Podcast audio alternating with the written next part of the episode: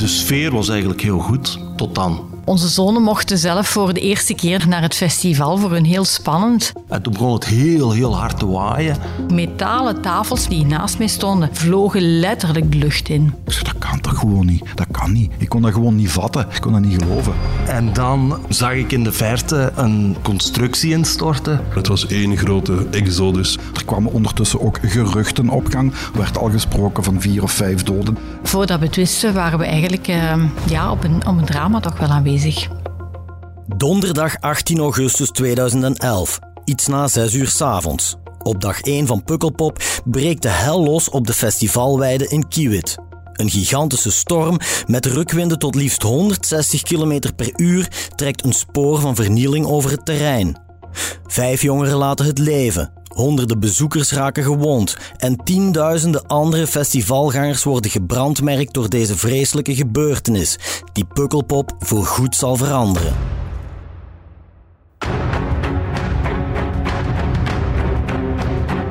Van de Bijbelse apocalyps tot Hollywoodfilms over allesvernietigende catastrofes.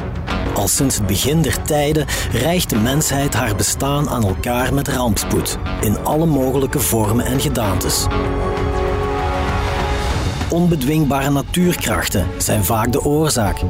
Maar ook het handelen van de mens zelf ligt dikwijls aan de basis van dodelijke rampen. Denk maar aan ontelbare oorlogen, of aan de miljoenen slachtoffers van branden, explosies en andere noodlottige ongevallen met een fatale afloop. Onze provincie blijft niet gespaard, zo zal u merken in deze reeks over Limburgse rampen. Telkens opnieuw nemen we u mee naar de plek van het onheil en reconstrueren we minuut na minuut het hele gebeuren, samen met zij die erbij waren. Ik ben Geert op Teinde en ik ben graag uw gids in Het Rampenplan. De Pukkelpopstorm, deel 1. Catastrofe in Kiewit. Ik ben Sven Dille, ik ben uh, 48 jaar en ik ben uh, fotograaf voor het Belang van Limburg. De sfeer was eigenlijk heel goed op dat moment. Allee, voor de storm. Um, het was zonnig en we hadden eigenlijk voornamelijk vrolijke foto's gemaakt ja, van mensen met water en, en in bikini en, en mensen die uitgelaten waren, die plezier hadden. Eigenlijk allemaal heel plezant. Een hele fijne dag. Tot dan. Ik ben Hilde Klaas. Um, op het moment van het Pukkelpop-drama burgemeester in Hasselt. En ja, getracht om alles in naar best vermogen te coördineren en in goede banen te leiden. Voordat uh, het drama zich afspeelde, was ik aanwezig op Pukkelpop met, met een hele goede vriendin van mij. En onze, onze zonen mochten zelf voor de eerste keer naar, naar het festival, voor hun heel spannend. En ja, wij wilden aanwezig zijn om een klein beetje toezicht te houden. En ja, voordat we het wisten, waren we eigenlijk uh, ja, op, een, op een drama toch wel aanwezig. De eerste dag van Pukkelpop 2011 de hoogmis van het jaar voor de Belgische jeugd, waar dus ook burgemeester Hilde Klaas en fotograaf Sven Dille van de partij zijn. Sven wordt vergezeld door collega Christophe Rutte, sinds jaar en dag cultuurjournalist en vaste festivalverslaggever van het Belang van Limburg. Volgens mij, als ik mij dat nog een beetje goed kan herinneren, was het die eerste dag dat het heel heet was. En, uh, en dat voelde goed. Uh, en... Um, ik denk daaraan nu, omdat ik vermoed dat het daarvoor slecht weer was. En zo van, ah, het is pukkelpop en het is weer terug goed weer. Dat is gewoon te gek. En dus liep iedereen daar ook lekker half bloot rond. En um, als, je, als je festivalverslaggeving doet, dan moet je niet alleen over muziek schrijven. Je moet ook uh, sfeerreportages maken. Dus het idee was er toen om eigenlijk een aantal mensen te gaan interviewen op de wei, die daar zo rondliepen. En dan iets te vragen over hun tattoo. Want die was natuurlijk zichtbaar doordat het hete weer liepen zij met blote bast rond. En vaak hebben die mensen ook een muzikale tattoo. Dus daar zat misschien een reportage in. En dat had ik ook gedaan. Ook de bekende traumapsycholoog Erik de Zwaar geniet van het prachtige weer. Hij is dit jaar pas voor de tweede keer op Pukkelpop, nadat zijn vrouw, die in de organisatie zit, hem in 2010 op het festival introduceerde. Pukkelpop als festival kende ik wel, maar ik was er eigenlijk nooit zelf naartoe geweest. Ik was er heel naïef in. Ik dacht dat er maar één podium was en dat die tenten die daar stonden, dat allemaal eettenten waren. Dus uh, ik ben zelf voor de eerste keer in 2010 uh, ben ik naar Pukkelpop gegaan. Dat is het jaar dat ik mijn echtgenote heb leren kennen. die als kind eigenlijk echt opgegroeid is in de schot van HJ, Humanistische Jongeren Leopoldsburg.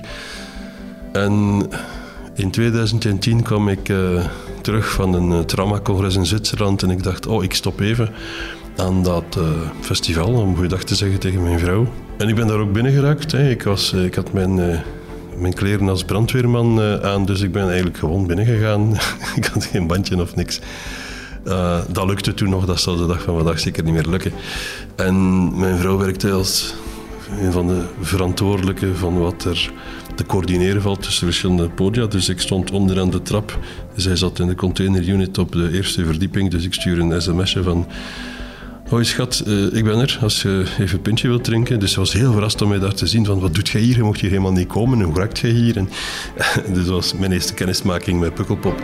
Maar ik was er nog maar een uur of zij kreeg eigenlijk... Uh, uh, van uh, de festivalorganisatie op haar radio een berichtje. Is Erik er nog? Want uh, er was iets erg gebeurd, namelijk een zanger die zich verhangen had.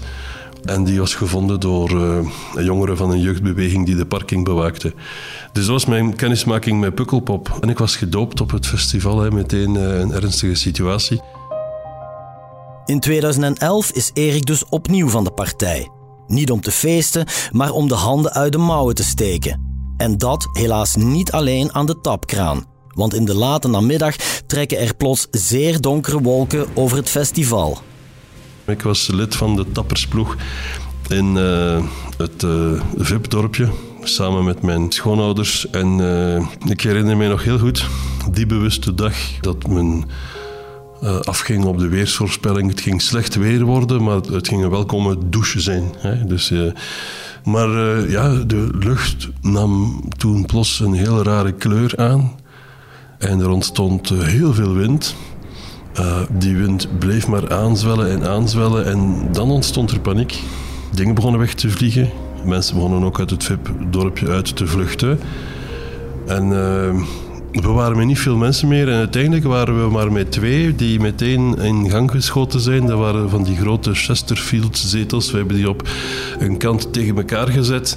En we hebben gevraagd aan een aantal mensen om daaronder plaats te nemen om te schuilen tegen de dingen die aan het vallen waren, want er begon verlichting naar beneden te komen. En ik stond nog recht en die andere man die daarbij stond was iemand van de security, een eh, zeer gespierde grote man. We keken elkaar aan en we keken naar de straat die het Vipdorp scheidt van de weide van het festival eigenlijk. En daar kwam een wolk met rommel voorbij. Uh, een terrasverwarmer die met andere rommel die weggevlogen, weggeblazen werd, die eigenlijk op een paar meter boven de grond voorbij kwam als een sliert. Dingen die voorbij geblazen werden en dat was eigenlijk heel vreemd. Net als Erik de Zwaar is ook Hasselts burgemeester Hilde Klaas aanwezig in het VIP-dorp. En ook Hilde ziet plots het wolkendek veranderen in een groen, grijs, paars monster. Een enorm bevreemdende kleur die tienduizenden festivalgangers vandaag nog steeds de daver op het lijf jaagt. Ik denk inderdaad dat de kleur van de lucht in het geheugen gegrift staat van heel veel mensen. In no time um, kleurde die, die lucht letterlijk groen.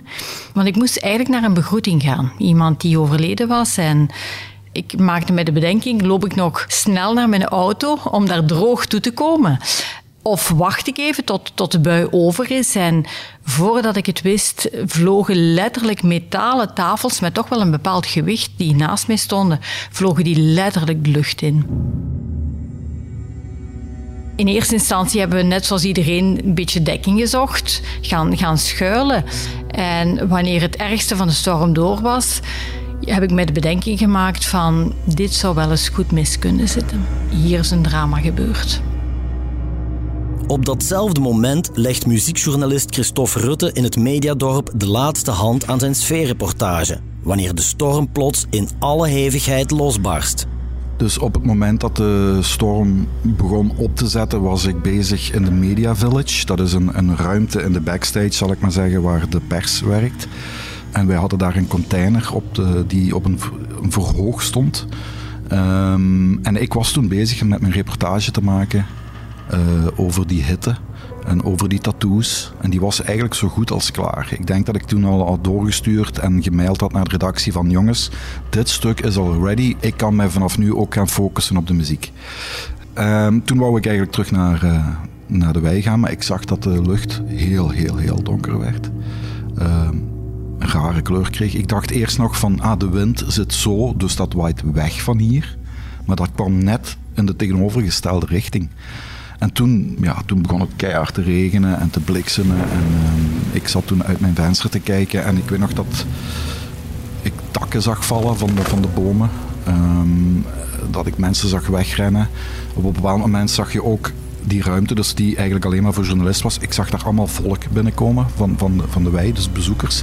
En die kropen onder de, onder de containers in, gewoon om te schuilen van die, van die, van die harde regenbuien en, en dat soort dingen. En ja, dat was eigenlijk een beetje een, ja, hoe moet ik dat zeggen? Dat was een, een heel vreemd zicht. Die dag was zo mooi begonnen en dan sloeg dat volledig, volledig om.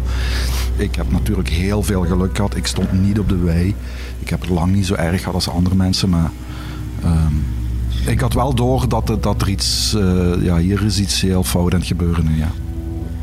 Christophe maakt het hele gebeuren mee van op de zijlijn. Maar fotograaf Sven Dille, die de eerste headliners van de vooravond wil fotograferen, zit plots midden in het enorme natuurgeweld. Het deed mij op dat moment denken uh, aan een zonsverduistering. Dat was, die kleur was, was groen en donker. En daar zat ook wat magenta in. Eigenlijk een kleur die, dat je, die dat je eigenlijk nooit ziet. En toen werd het helemaal donker en toen begon het heel, heel hard te waaien. En uh, ja, met, met zware regen, uh, zware hagel, ook heel felle hagel. Um, ja, het werd volledig donker. Op dat moment, ik was aan het wachten, uh, frontstage eigenlijk, vlak voor het podium, op een groep in de, in de Wablief-tent. Um, en de, de palen van de tent gingen omhoog. En er waren allemaal mensen die geraakten bijna in paniek en die gingen aan de palen hangen om de tent omlaag te houden. En toen begreep ik eigenlijk dat het, dat het, allez, dat het echt fel aan het waaien was. En toen ben ik naar de uitgang van de tent gegaan. En dan um, zag ik in de verte een constructie instorten. Um, eigenlijk nam mijn reflex van fotografen toen over. En toen ben ik op de wei gelopen. Um, en er kwamen allemaal mensen in paniek naar mij toegelopen. En uh, toen ben ik beginnen foto's maken. En dan ben ik naar die constructie gelopen. Um, en daar lag iemand onder. Maar dat, dat zag ik toen pas. Um, en toen ben ik weggegaan en dan ben ik verder gelopen eigenlijk. Terug richting het persdorp. En onderweg ja, heb ik dan een aantal foto's gemaakt van mensen onder, onder urinoirs. Uh, die daar zaten te schuilen. Onder, die, die ergens onder bakken zaten gekropen. Um, allemaal mensen in paniek. Van een boom die omgevallen was op een tent. En ik moet wel zeggen, ik heb al in mijn leven van alles gezien. En van alles foto's gemaakt. Maar ja, je beseft eigenlijk niet waar dat je mee bezig bent op dat moment. Allee, dat is eigenlijk automatische piloot. Sven, die zoals u kan horen het vandaag nog steeds erg moeilijk vindt om over de ramp te praten, doet wat hij moet. Met zijn fototoestel beelden vastleggen van wat de geschiedenis zal ingaan als de Pukkelpopstorm. Ik ben dan teruggegaan naar het pershok. En de camera die ik had op dat moment, dat was een, dat was een zwaar metalen camera. En daar zaten gewoon er waren stukken uitgeslagen van de, van de hagel gewoon langs boven. Um, en dan heb ik een andere camera genomen en dan heb ik gezegd, allez, geroepen. Want tegen de journalisten van, ja, dat het verschrikkelijk was wat er was gebeurd. En dan zijn we eigenlijk samen met de journalist vertrokken. Samen met Sven gaat journalist Christophe Rutte de weide op om verslag uit te brengen van het drama dat zich net heeft afgespeeld en de ongelooflijke ravage die ze op het terrein aantreffen is, zo zegt Christophe, niet te vatten. Dus uh, op een bepaald moment heb ik ook, uh, had ik afgesproken met de redactie van ik ga terug de wei op, ik ga rondkijken wat is er gebeurd. Er kwamen ondertussen ook geruchten op gang. Er werd al gesproken van vier of vijf doden, denk ik. En er was ook ergens een bericht dat rondging dat er een tent was ingestort. Ik zei, dat kan toch gewoon niet? Dat kan niet. Ik kon dat gewoon niet vatten. Ik kon dat niet geloven. Uh, Sven, de fotograaf Sven Dille, die, die kwam met kot binnen. Die was helemaal doorweekt. Die zat er echt middenin. En met hem ben ik daarna dan terug de wei opgegaan. Het eerste wat ik me herinner is water. De, de wei die stond gewoon 5 centimeter, 6 centimeter gewoon onder water. Er was zoveel uitgevallen dat dat niet kon, dat kon dat niet slikken, dat kon niet weg. Dus er was constante geploeter door de modder en, en het water. En dan zie je dus inderdaad allemaal mensen staan, maar de meeste mensen waren gewoon met elkaar aan het babbelen of nog wat aan het lachen, sigaretje roken, pintje drinken. De togen waren open, de muziek lag stil, de live muziek lag stil, maar er was wel nog altijd uh, muziek te horen door de boksen. Ik herinner mij dat ik langs het tentje van Proximus kwam, waar een uh, populier geknakt was als een stukje lucifer. En toen zag ik achteraf de chateautent die dus effectief was ingestort. En ja, ik, ik was sprakeloos. Als je dan terugkomt op die wei, dan is het, dan is het heel raar, omdat, je, omdat er dan een aantal mensen zijn die eigenlijk, oké, die hebben geschuild voor de regen of voor het zware weer. Maar die, die hebben niet het overzicht gehad en die, die, um, die weten nog niet goed wat er aan de hand is en die, die denken gewoon dat het festival doorgaat. Um, ja, en dan heb je andere mensen die, die, die zwaar gechoqueerd zijn. En dan moet je als journalist of als fotograaf op zoek gaan naar het verhaal. Het fenomeen dat Christophe en Sven beschrijven, namelijk dat verschillende festivalgangers de draagwijte van de storm niet beseffen, wordt ook opgemerkt door burgemeester Klaas en psycholoog Erik de Zwaar. Met name rond het hoofdpodium wordt immers door sommigen nog volop verder gefeest. We hebben vrij vlug in, in het hele proces de, de nooduitgangen opengezet. Ik denk achteraf bekeken dat dat de juiste beslissing is geweest. Uh, zodanig dat ja, de festivalgangers letterlijk van het terrein af konden. Maar een aantal festivalgangers die bleven hangen, om heel eenvoudig omdat ze niet doorhadden wat, wat er zich had afgespeeld. Um, sommigen bleven letterlijk dansen. We waren daar in eerste instantie van, van verontwaardigd een klein beetje. Tot het ons duidelijk werd dat heel wat festivalgangers eigenlijk niet bewust waren van de ernst van de situatie. Maar dat was voornamelijk, dat speelde zich vooral af rond Mainstage. Um, we zagen letterlijk vanuit dat veiligheidsdorp dat er een aantal festivalgangers nog altijd letterlijk aan het dansen waren. En we hebben dan beslist om de muziek te laten draaien om dat deel van, van dat festivalpubliek rustig te houden. En ja, de prioriteit te kunnen, te kunnen geven aan, aan de hulpverlening. Het was niet meteen duidelijk voor de mensen die vlak voor het hoofdpodium stonden hoe ernstig het was. En zeker al niet voor de jongeren die misschien wel een onder, ondergelopen tentje hadden op de kampeerweide, maar degenen die op de kampeerweide uh, lagen. Ik, ik ken jongeren die daar lagen die maar pas de volgende ochtend heel verrast opstonden met een kater en uh, hoorden van wat er allemaal gebeurd was en daar helemaal niks van meegekregen hadden. Die gewoon een hele prettige avond hadden gehad. En dan ja, toch wel de uitdaging van: oh, het heeft heel hard geregend en het is hier allemaal nat.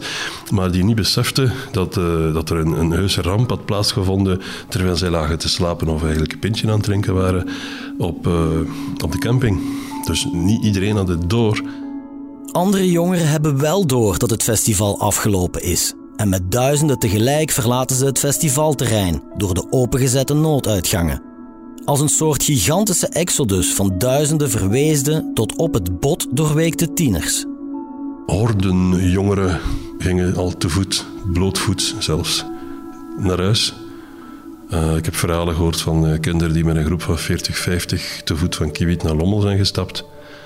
Het was één grote exodus, een soort chaos van honderden, van duizenden jongeren die uh, verweest in alle richtingen trokken, helemaal uitgeregend. En ik weet dat uiteindelijk vanuit de organisatie men ook uh, niet meteen gezegd heeft uh, het festival stopt. Dat is maar in de loop van de nacht besloten. Ik was zelf op die vergadering aanwezig, samen met burgemeester Klaas destijds. En de optie is wel verstandig geweest van niet meteen te zeggen we stoppen alles, want dan had er een nog grotere uittocht en een nog grotere chaos geweest. Zowel Hilde Klaas als Erik de Zwaar hebben kinderen op de festivalweide. Zij een zoon, hij een dochter. En terwijl ze allebei niet anders kunnen dan elk hun job te doen, bekruipt hen, net als duizenden ouders die thuis het nieuws van het vernietigende noodweer vernemen, een grote onzekerheid en een haast ondraaglijk gevoel van onmacht, waarbij één vraag centraal staat: Is mijn kind veilig? Ja, dat was zo'n beetje een tweestrijd. Hè, van ja, mama hart. Mijn zoon die, die op de, de weide was op het moment dat, dat de storm uitbrak. En ja, die bezorgdheid uiteraard over, over je kind, maar anderzijds toch ook wel dat plichtsbesef over... Ja, ik was burgemeester op dat moment en, um, en ja, ik voelde dat er echt wel iets ernstig gebeurd was. Gelukkig mijn beste vriendin was bij mij, dus we hebben onmiddellijk kunnen afspreken van jij gaat onze zonen gaan, gaan zoeken en ik ga gaan werken. En ik ben dan onmiddellijk van, van dat VIP-dorp naar het veiligheidsdorp gelopen, letterlijk, om daar ja, alles naar me toe te trekken en, en ja, alles te coördineren.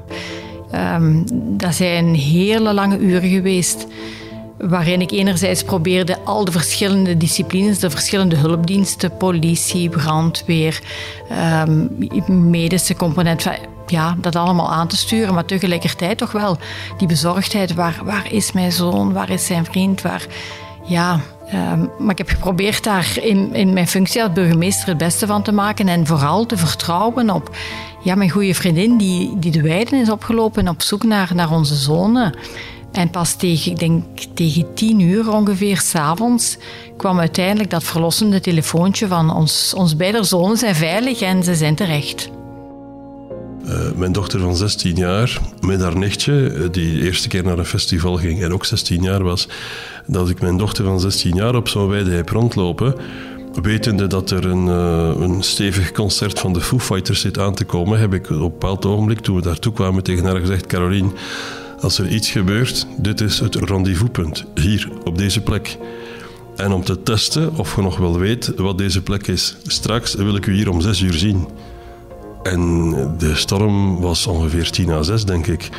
Dus dat was eigenlijk een geluk met een ongeluk. Om zes uur stond mijn dochter daar met haar nichtje en die stond precies op de rendezvousplek op het moment dat de storm voorbij kwam. En dan is het toch wel heel vreemd dat je beseft later dat ze eigenlijk na die rendezvousplek gekomen is. En als ze daar niet moeten zijn, dan had ze in een tent gestaan die ingestort is. En zij heeft dan eigenlijk heel snel, omdat ze zag wat er gebeurde en ook wel wist van papa zal waarschijnlijk elders bezig zijn, is ze met haar nichtje tot in de coördinatieunit gegaan waar mijn vrouw aan het werk was. De kinderen van Hilde en Erik zijn terecht, maar zoveel andere jonge festivalbezoekers nog niet.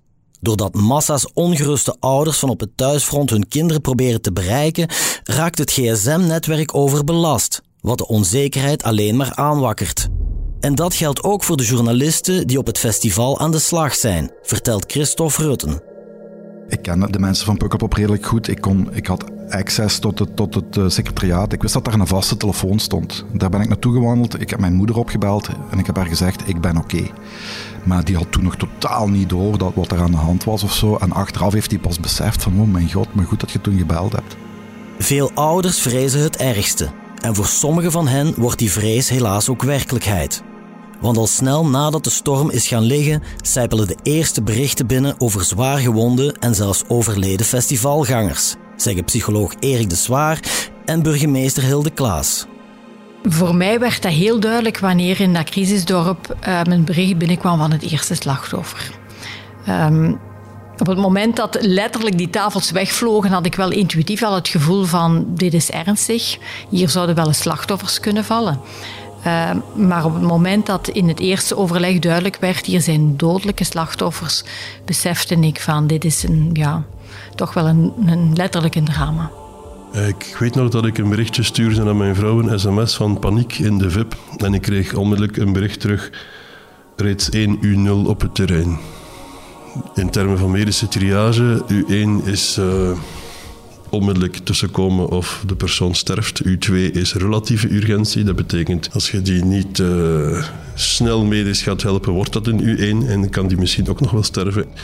En U0, dan zijn de mensen die overleden zijn of zo ernstig gewond dat ze, dat ze het niet gaan halen. Na het sms'je van zijn vrouw beseft Erik pas echt ten volle hoe ernstig de situatie is. Want vanuit het VIP-dorp heeft hij totaal geen zicht op wat zich op de weide heeft afgespeeld. Op het moment dat ik verrast was van de wind en van de beelden en van de paniek, en ik dacht ik moet toch melden aan de coördinatie van het terrein dat er paniek is, had ik geen enkel idee van wat zich op het ogenblik dat ik dat bericht stuurde al afgespeeld had op het terrein. Want eh, dat betekent dat die wind die die dingen voorbij het Vipdorp blies, had dus ook al schade aangericht op het terrein, waardoor een tak was afgebroken, ook op iemand zijn hoofd gevallen, uh, waardoor een tent was ingestort, waar een koppeltje, dan nog twee jongeren uit Leopoldsburg zijn omgekomen, waar uh, ja, structuren waren ingestort. Uh, dat er al de paniek was geweest van het blijven en blijven en blijven regenen, waardoor door de regen en door de waterzakken die ontstonden, hebben jongeren de tenten aan flarden gesneden en daar volgens mij heel veel levens mee gered. Want hadden die dat niet gedaan, dan waren er meer tenten ingestort.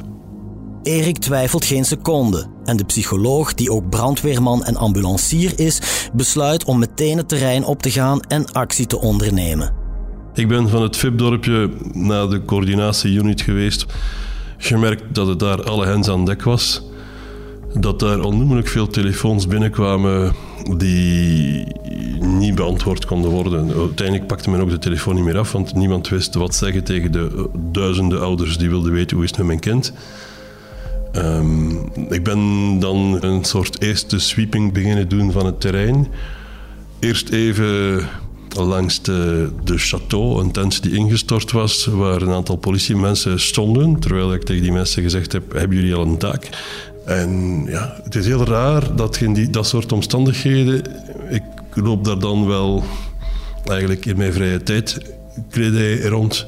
Maar als je mensen tegenkomt, brandweerlui, hulpverleners, politiemensen... die nog geen taak of nog geen bevelen hebben... en als je daar tegen zegt van doe dit of doe dat, die gaan meteen aan de slag.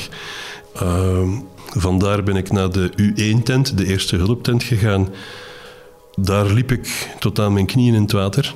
Ik ben daar binnen gegaan. Ik heb zelf een opleiding als eh, brandweerman en ambulancier. Dus ik ben daarmee begonnen met het eh, vasthouden van zwaar bloedende hoofden. Om de bloedingen mee te helpen stelpen. er waren ook mensen met afgerukte ledematen. dus er waren hele zware verwondingen. Tot op het ogenblik dat de eerste ziekenwagens aankwamen, heb ik eigenlijk eh, de eerste ziekenwagens de weg gewezen dat ze moesten volgen om niet vast te rijden. Want de eerste ziekenwagen reed zich vast. Twee ambulanciers sprongen eruit, die sprongen in een geweldige plas water, die liepen die tent in. Ik heb zelfs die ziekenwagen nog losgereden. En dan klaargezet zodat de volgende ziekenwagens eigenlijk naar de tent de gewonden konden komen halen. En dan naar de sportzaal van Kiewit als een soort van uh, vooruitgeschoven medische post. Waar dus, ja, dat is een langzaam proces. Hè. de medische triage van slachtoffers, de regulatie, dat betekent het vervoeren van alle slachtoffers naar alle ziekenhuizen in de omgeving. Dus dat heeft toch een hele tijd geduurd. En dan, uh, ja, dan begon het maar pas voor ons. Hè, want dan heb ik eigenlijk samen met mijn echtgenote tientallen mensen in shock opgevangen. Waaronder natuurlijk ook heel wat medewerkers vanuit onze eigen gemeenschap. Toen duidelijk was geworden dat uh, een bevriend koppeltje van Leopoldsburg ook bij de dodelijke slachtoffers hoorde. Erik en zijn echtgenote, die ook psycholoog is, zijn de hele nacht in de weer om slachtoffers op te vangen. Maar de zwaarste taak wacht de volgende ochtend pas, zo vertelt Erik. Want vijf festivalgangers, het koppeltje Wendy en Marlo, Marijke, Jurgen en Christophe, allemaal tussen de 20 en 35 jaar, hebben de ramp niet overleefd. Aan de zijde van organisator Chokri Masin staat hij klaar om bijstand te bieden aan de radeloze ouders. De volgende dag was ook een moeilijke dag, want dan heb ik samen met, uh, met Chokri en een paar van zijn medewerkers elke familie van de dodelijke slachtoffers uh, mee opgevangen. Dus ze werden eigenlijk eerst opgevangen door hem zelf persoonlijk. Ja, dat vond ik heel knap. Uh, en dan gingen we met de mensen op de plek, exact de plek waar we ze gevonden hadden. Uh, ja, en dan begint je te beseffen wat de draagwijdte is. Hè. Dan heb je daar mensen die afkomen met haar kleine kinderen bij, die hebben al een tekening gemaakt en dan worden er bloemen en tekeningen en dingen neergelegd op die plek, midden op die weide.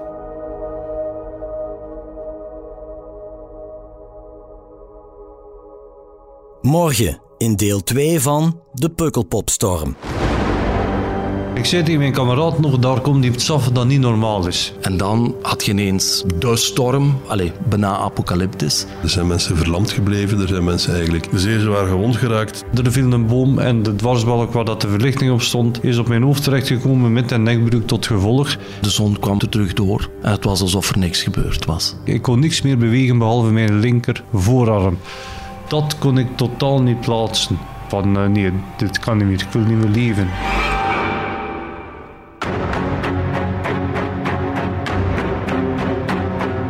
Het Rampenplan is een productie van HBVL Podcast. Deze reeks wordt samengesteld door Geert op het einde. De audioproductie is in handen van Len Melot. Coördinatie door Cato Poelmans. Geert Nies is chef podcast. Reacties zijn welkom via podcast@hetbelangvanlimburg.be.